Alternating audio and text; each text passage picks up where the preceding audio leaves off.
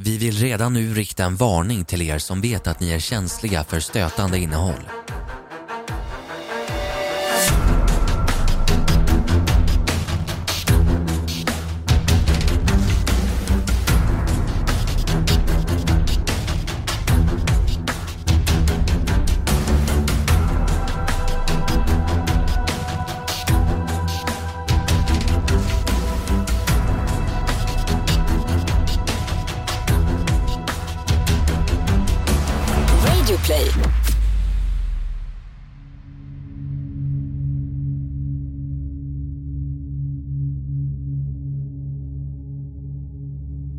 Är åtta år och ligger i sängen. Rummet är mörkt och det finns skrymslen i ditt rum som göms bakom en dörr eller en möbel. Kanske står ett monster där och väntar på dig. Du bevittnade antagligen aldrig något övernaturligt väsen och om sådana existerar överhuvudtaget är upp till var och en att avgöra. Sånt där har vi en annan podcast till. Men det är inte det vi ska prata om idag. Vi ska prata om seriemördaren, pedofilen, våldtäktsmannen och kannibalen Albert Fish. Ett verkligt monster som en gång vandrade på vår jord. Skribent för avsnittet är Emily Hage och du lyssnar på Svenska mordhistorier och jag heter Sebastian Krantz.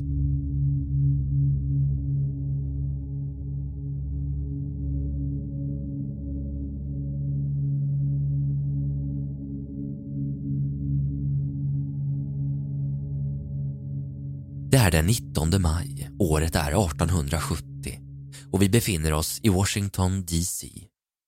En pojke föds till världen. Han döps till Albert Fish, ett namn som vid tidpunkten inte var något att höja på ögonbrynen för, men som idag är kopplat till våldtäkt, död och smärta. Familjen han föddes till hade en lång historia bakom sig med psykisk ohälsa och två av medlemmarna hade redan avlidit på respektive mentalsjukhus. Pappan dog när Albert bara var fem år gammal och detta gjorde det svårt för mamman att ta hand om honom och de andra barnen på egen hand. Hon började arbeta och försörja sig själv och lämnade över den unga pojken till ett barnhem. Enligt Albert själv så var det där han blev förändrad. Sadistiska lekar, brutal misshandel och övergrepp såsom påtvingad onani blev snart vardag för honom och de andra barnen. Albert började sakta men säkert njuta av smärtan. Han längtade till och med efter den.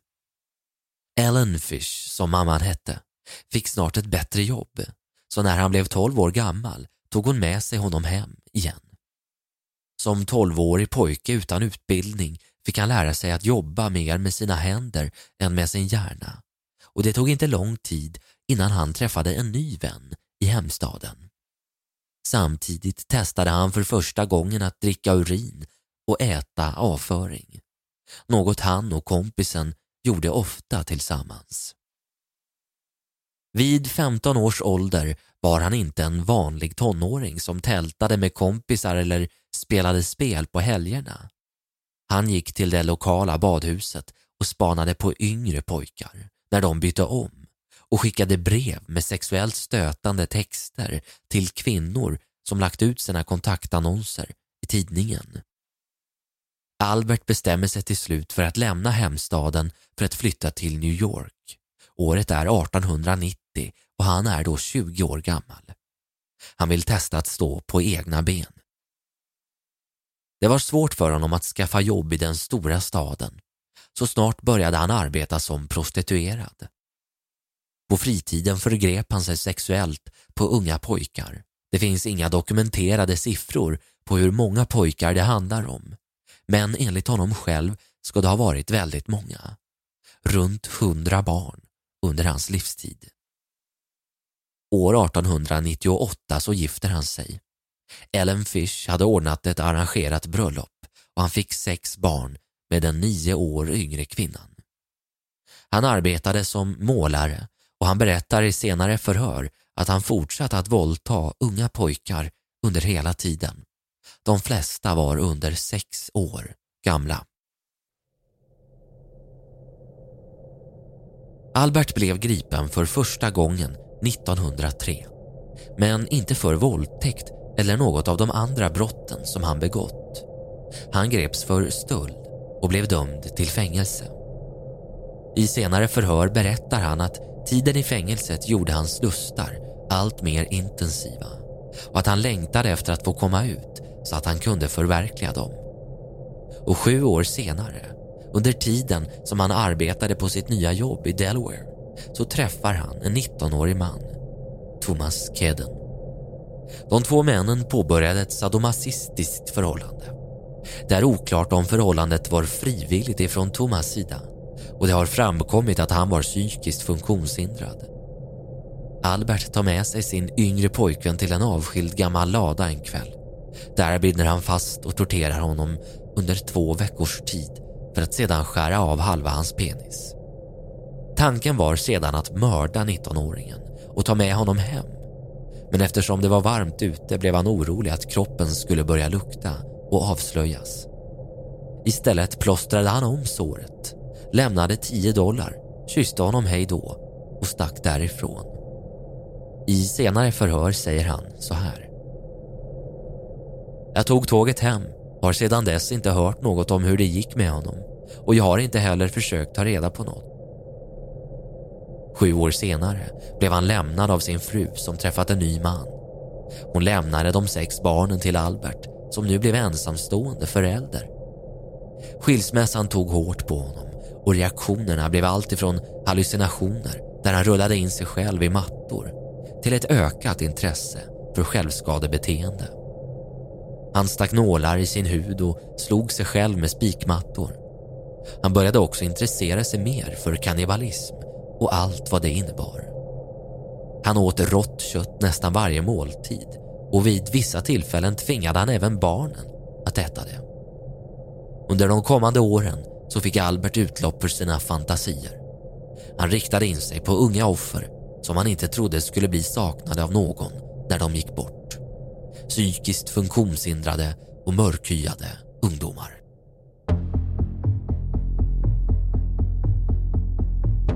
Den 11 juli 1924 ser Albert en liten flicka, Beatrice. Hon leker för sig själv på familjens gård. Han frågar henne om hon kan hjälpa honom att plocka rabarber hemma på hans gård. Hon är på väg bort ifrån hemmet när mamman får syn på den främmande mannen och jagar bort honom därifrån. Senare på kvällen kommer han tillbaka och lägger sig i en lada för att sova men blir upptäckt och springer därifrån. Beatrice klarade sig. Hon hade tur. Albert var nu 54 år gammal och vid det här laget en fullbordad psykopat som var övertygad om att det var Gud som tvingade honom att tortera barn.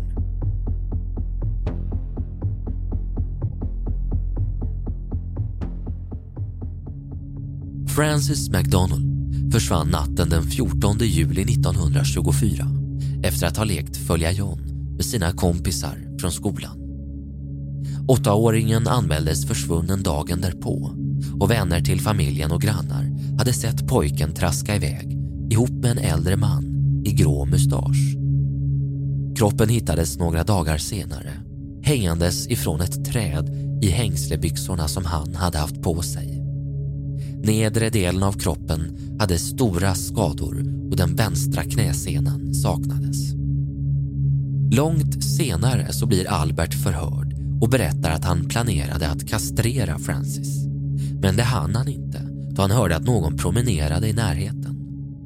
Albert sprang ifrån platsen.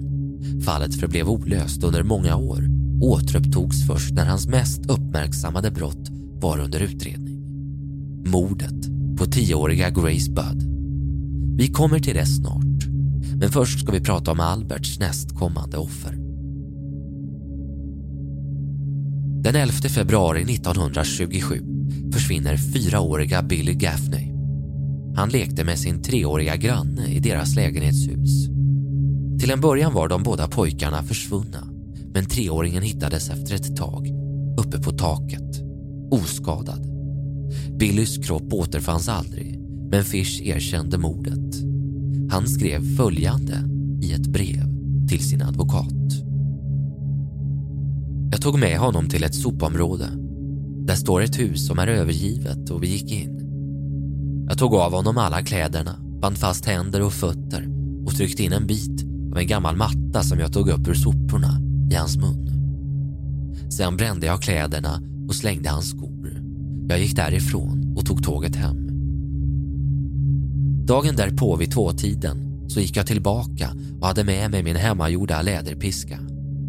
Jag piskade hans bara rumpa tills blodet rann ner för benen.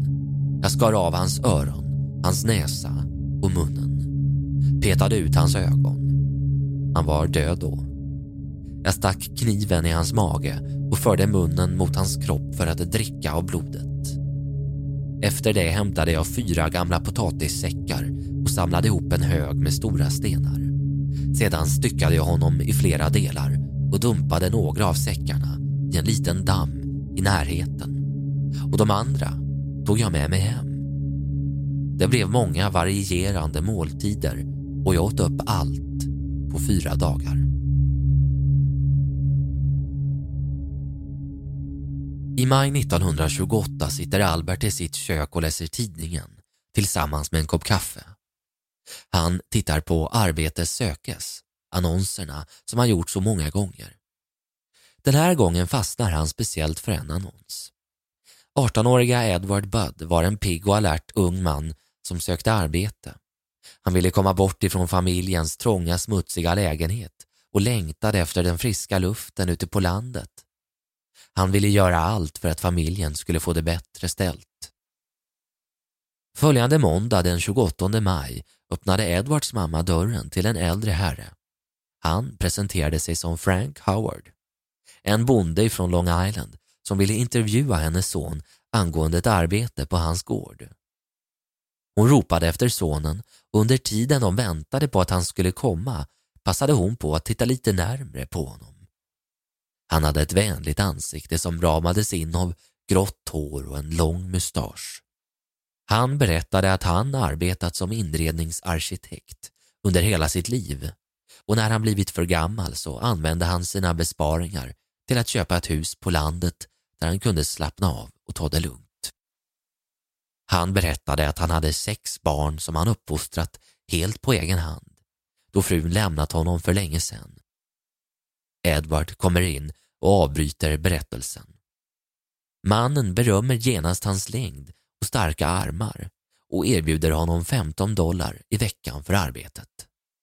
Edward accepterar erbjudandet med glädje och frågar om det möjligtvis finns något jobb till hans vän också. Och det gör det. Howard får bråttom iväg till ett möte men lovar att han kommer igen nästa lördag för att hämta dem.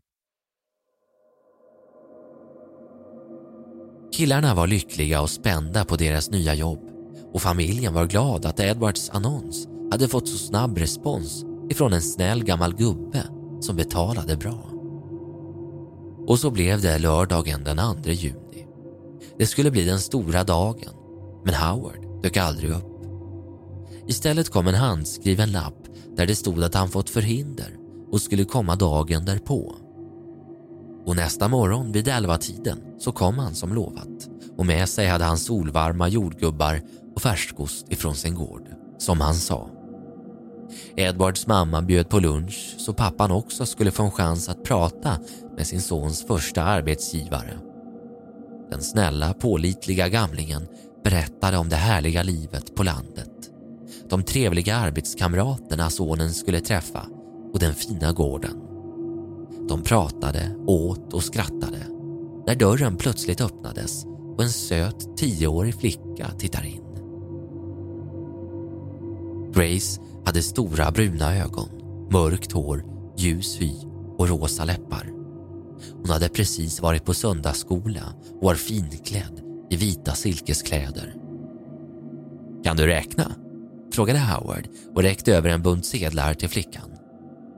Familjen spärrade upp ögonen. De hade aldrig sett någon gå runt med så mycket pengar på fickan. 92 dollar och 50 cent, sa flickan. Vilken smart liten tjej, sa Howard och gav henne 50 cent att köpa godis för. Mannen tackade för sig och sa att han skulle komma tillbaka och hämta pojkarna på kvällen. Han skulle till sin systerdotters födelsedagskalas först. Och innan han gick ut genom dörren frågade han om Grace skulle vilja följa med till kalaset. Han skulle ta väl hand om henne och se till att hon var hemma igen innan klockan nio. Mamman tvekade, men pappan övertalade henne och sa att det skulle vara bra för henne att komma ut lite och träffa andra barn. Låt den stackars tösen gå. Det finns inte mycket roligt att göra här. Mamman hjälpte Grace att klä på sig sin finaste kappa och följde dem sedan ut genom dörren och bort ifrån familjens hus. Det var en promenad mot Grace död. Den kvällen hörde de ingenting ifrån Howard eller Grace. Efter en orolig sömnlös natt fick Edward gå till polisstationen och anmäla sin försvunna lilla syster. Polisen berättade att adressen som Howard påstått att kalaset varit på inte existerade. Mannen var en bedragare och polisen påbörjade sitt arbete. De undersökte allt som han hade berättat för familjen och kom fram till att alltihop var en enda stor lögn.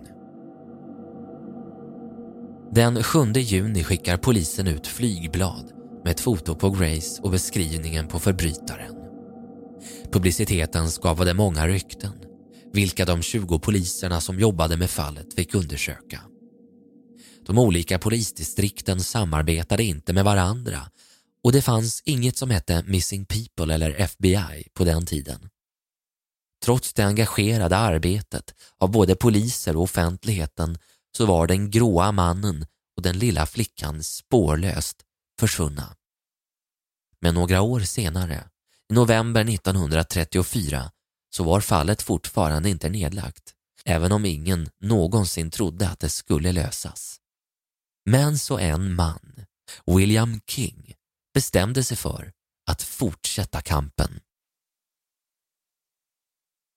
Han skrev en artikel i tidningen som var avsedd att skrämma förövaren. Han skrev att poliserna hade fått nya spår och förväntades lösa fallet inom fyra veckor. Och tio dagar senare får Grace familj ett brev skickat till sig. Mamman kunde inte läsa, så Edward gjorde det. Brevet som skickades är än idag känt över hela världen för sin brutalitet. Vi vill inte läsa upp brevet i sin helhet här i podcasten för att visa respekt till våra lyssnare. Men så här stod det i en del av det. Kära Mrs Budd. Den 3 juni 1928 så kom jag hem till er med jordgubbar och färskost. Vi åt lunch. Grace satt i mitt knä och pussade mig på kinden. Jag bestämde mig för att äta henne. Du sa ja till att låta henne följa med mig till ett kalas. Jag tog henne till ett övergivet hus i Westchester som jag redan hade tittat ut. När vi kom dit bad jag henne vänta utanför huset. Hon plockade blommor. Jag gick till övervåningen och tog av mig alla kläder för då skulle jag inte få något blod på dem. När allt var klart gick jag fram till fönstret och ropade in henne. Jag gömde mig i garderoben tills hon kom upp. När hon såg att jag var naken började hon gråta och försökte springa iväg. Jag tog tag i henne. Hon sa att hon skulle skvallra för sin mamma. Jag drog av henne alla hennes kläder. Hon sparkade, bet och rev mig. Jag ströp henne till döds och styckade henne i små delar så att jag kunde ta med dem hem för att äta. Det tog mig nio dagar att äta upp hela hennes kropp. Jag hade inte sex med henne. Hon dog som oskuld. Albert sa att det var Gud som beordrade honom att mörda och äta barn. Erkännanden om morden var därför inget som var jobbigt för honom. Men de sexuella övergreppen var svårare att förklara. För det finns ingen gud som tvingade honom till de handlingarna. Till en början trodde alla att brevet var något sjukt skämt. Men King märkte att beskrivningen om mötet med familjen stämde. Handstilen stämde också överens med brevet som han skrivit när han fått förhinder och skulle komma dagen därpå. Och snart riktades blickarna mot just Albert Fish.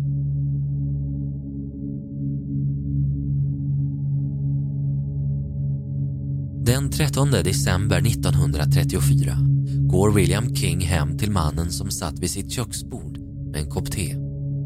Han ställde sig upp och nickade när polisen frågade om hans namn var Albert Fish. Han grävde i fickan och fick upp ett rakblad som han höll framför sig. Polisen tog tag i gamlingens hand och vred om den. Nu har jag dig. En liten del av Albert Fischs erkännande publicerades i tidningarna. Det var en bestialisk historia som inte många trodde på tills allt fler detaljer började dyka upp. Det verkade omöjligt att en så liten och snäll farbror hade kunnat begå dessa handlingar. King bestämde sig för att hålla förhören. Fish berättade att under sommaren 1928 så började han känna av sin så kallade blodtörst. Sitt behov av att döda. När han svarade på annonsen så var det en man han hade planerat att lura till platsen och mörda. Inte den tioåriga flickan. Samma dag efter förhören åkte poliserna och Albert till den övergivna stugan för att leta efter spår av Grace. Han stod avsides och tittade på med iskall blick när de hittade hennes skalle. Den enda delen som han inte ätit av flickan. På kvällen kom familjen till polisstationen för att identifiera Fish. Pappan gjorde mer än så. Han kastade sig över gubben och skrek. Din äckliga jävla gubbe. Känner du igen mig? Ja, det gör jag, svarade Fish vänligt. Du är Mr Bud. Och du är mannen som kom som gäst till mitt hus och rövade bort min lilla dotter. Sa Bud gråtandes. Albert identifierades även av grannarna till åttaåriga Beatrice som kom undan och pojken som lekte med Billy dagen då han mördades. Alla kom fram till samma sak. Den grå mannen, som han kallades i tidningarna, hade äntligen hittats. Och hans enda chans att slippa dödsstraff var om den rättspsykiatriska undersökningen visade att han var mentalt sjuk. Jag har alltid haft en stark vilja att skada andra människor. Jag har också alltid viljat att andra ska ge mig smärta. Jag har alltid tyckt om allt som gör ont. Rättegången ägde rum den 11 mars 1935. Under tiden som Albert satt häktad för rättegången så hade han blivit tagen på bar gärning när han flera gånger försökt skada sig själv. Men till slut så dömdes han till döden och han skulle avrättas i elektriska stolen. Juryn ansåg helt klart att han var galen eller mentalt sjuk, men hans brott var så hemska att de ansåg honom vara frisk i rätten, bara för att vara säkra på att han skulle få dödsstraff. Han avrättades den 16 januari 1936 då det hade gått över sju år sedan han begick mordet som han nu skulle straffas för. Hans sista ord var Det här kommer att bli den ultimata njutningen och han sägs ha avlidit efter två stötar. Försvarsadvokaten uttalade sig senare om Alberts sista vilja som han hade skrivit i ett brev. Det har aldrig blivit publicerat. Jag kommer aldrig visa det för någon. Det är något av det äckligaste jag läst i hela mitt liv. Historien om Albert Fish är tyvärr lika fruktansvärd som den är spännande. Vill ni veta mer om honom och hans liv så finns det flera olika böcker och filmer att läsa och titta på. Du har lyssnat på avsnitt 126 om Albert Fish med mig Sebastian Krantz. Källor för avsnittet är The Serial Killer Podcast, The Fanciful Fish på Youtube, gizmodo.com, allthat'sinteresting.com och tidningsartiklar ifrån 1934. Tack för att du lyssnar på vår podcast.